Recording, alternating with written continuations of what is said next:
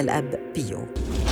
ولد الأب بيو في بياترا لاشينا في الخامس والعشرين من أيار 1887 تقبل سر العماد في اليوم الثاني لولادته وأعطي في المعمودية اسم فرانسيس. نشأ في أسرة فقيرة ومن خلال الرسالة التي بعث بها إلى مرشده الروحي ندرك أنه منذ سن الخامسة كان الطفل يتمتع بنعمة مشاهدة العذراء مريم التي كان يكن لها عاطفة قوية.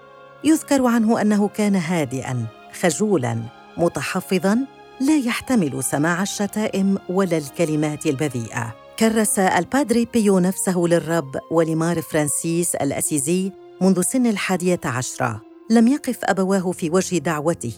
وفي الخامسة عشرة من عمره عام 1902 رافقه والده إلى دير الآباء الكبوشيين. وهناك لبس ثوب الرهبنة واختار لنفسه اسم الأخ بيو دي بياترالشينا كان مبتدئاً مثالياً. كان هذا المبتدئ الشاحب الفارع القامة يستغني عن الطعام بشكل تام مكتفياً بالمناولة اليومية. وأمضى 21 يوماً يتناول القربان المقدس فحسب. طلب منه رئيسه بأمر الطاعة أن يأكل. أطاع لكنه تقيأ كل طعامه. وعندما حاول الرئيس حرمانه من المناولة أشرف على الموت. فرض القديس بيو على نفسه عذابات وإماتات ومن عاداته السهر طويلاً ولم يكن أحد يرضى بأن يكون جاره في الغرفة. كان يرتب حجرته ويخرج وما إن يعود حتى يجدها مبعثرة تماماً.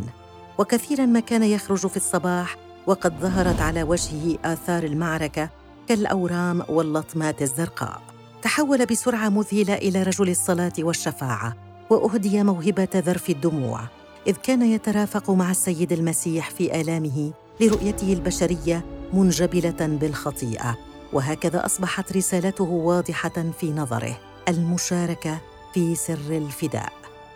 اهتم رؤساؤه كثيرا بصحته فحالما أبرز نذوره المؤبدة عام 1907 أمروا له بعطلة طويلة يقضيها في بيته الوالدي ليستعيد صحته.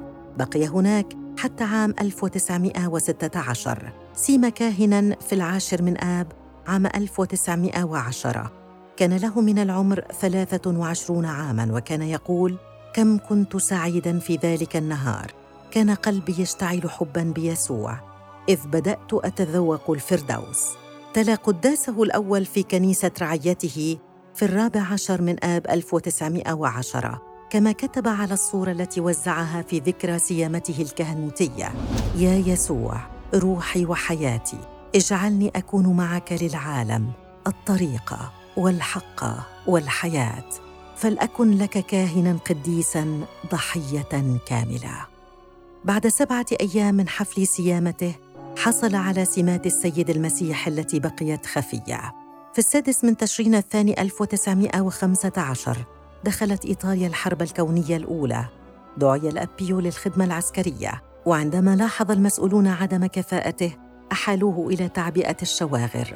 ومحبة بربه المصلوب لم يستصعب الخدمة ولم يزعجه إلا إقامته بين جنود أفظاظ لا أدب لديهم ولا حياء. ما جعله يتألم حتى الموت. كان موضع سخرية من رفاقه الذين كانوا يجهلون أن أي حركة من يديه أو رجليه كانت تؤلمه الما شديدا. في الرابع من أيلول عام 1916 أمره رؤساؤه أن يتوجه إلى دير سيدة النعمة في سان جيوفاني روتيندو حيث بقي إلى حين مماته. وفي 20 أيلول 1918 كان الأب في الكورس يشكر الله بعد القداس وأمامه صورة المصلوب فأحس بشعور إلهي شعر به قبله أبوه القديس فرانسيس والقديسة كاترينا السيانية. والقديسة فيرونيكا جولياني الكبوشيه لف الهدوء كيانه ثم رأى أمامه شخصا سريا يقطر دما من يديه ورجليه وجنبه.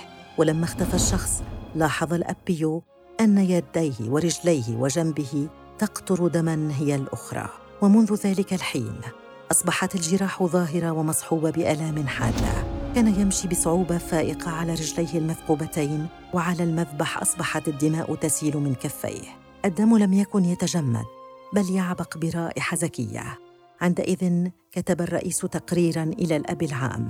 ذاعت شهرة الأبيو في كل أنحاء العالم وأخذ الحجاج يتهافتون إلى كرسي الاعتراف حيث كانت تكثر المعجزات. فقد نال الأبيو موهبة فحص الضمائر والمعرفة والتمييز.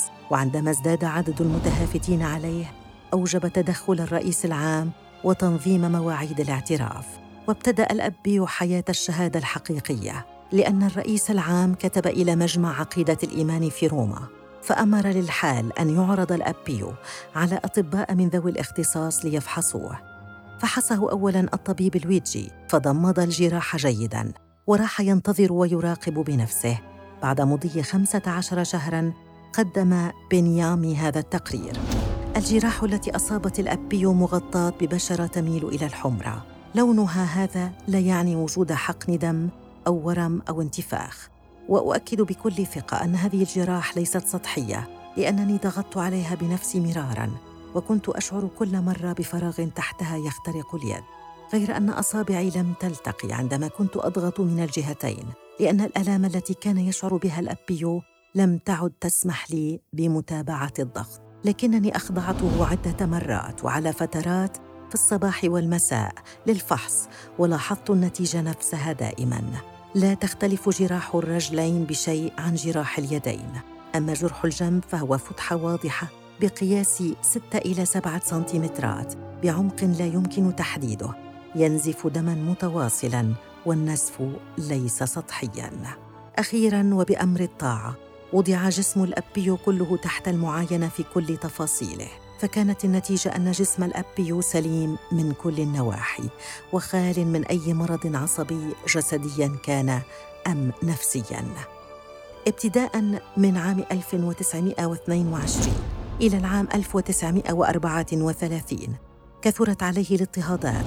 منع المؤمنون من لقاء الأب بيو كان يعيش سجينا في ديره وحظر عليه القيام بأي ممارسة كهنوتية باستثناء الاحتفال بالذبيحة الإلهية. وحيدا منفردا.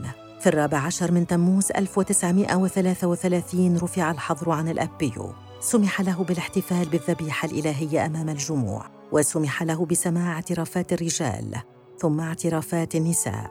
وأخذ عدد الحجاج يزداد في العالم أجمع. وكان الرب يجري العجائب على يد من أمضى عمره في الطاعة من دون شكوى أو تذمر. فكانت النتيجة فيضا من النعم. عرفت الفترة الممتدة بين عامي 1942 و 1955 بفترة الأعمال. فقد أسس الأبيو مجموعات صلاة وبنى مستشفى لاكاسا مؤاساة الآلام التي دشنت سنة 1956 في الثاني والعشرين من أيلول عام 1968 بعد خمسين عاماً من حمله لجراح المصلوب في جسده. احتفل بالذبيحة الإلهية للمرة الأخيرة وفي نهاية القداس أغمي عليه. كان نزاعه قصير الأمد. مات بالضبط عند الساعة الثانية والنصف من صباح الثالث والعشرين من أيلول عام 68 من جراء ذبحة صدرية وانطفأت بموته تلك الشعلة التي أضاءت وهدت بنورها آلاف النفوس إلى الطريق القويم. دفن في القبو تحت هيكل كنيسة أم النعم، وبما أن حياة الأبي كانت عجائبية تكللت بأعجوبة جديدة. إذ تأكدت حقيقة اختفاء جراحه عشية وفاته. هذه الجراح التي حملها لمدة نصف قرن والتي عجز ألمع الأطباء عن تحليلها ومعالجتها. ظهرت بأعجوبة واختفت بأعجوبة. هذه حياة الابيو الذي منح رسالة لينبه العالم إلى ضرورة الصلاة والإماتة والاهتداء. أراد يسوع أن يعيش آلامه مجددا بشخص هذا الراهب المتواضع.